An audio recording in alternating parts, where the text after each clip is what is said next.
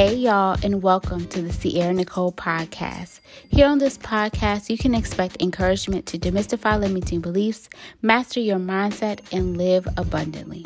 So, without further ado, let's hop into this brand new episode.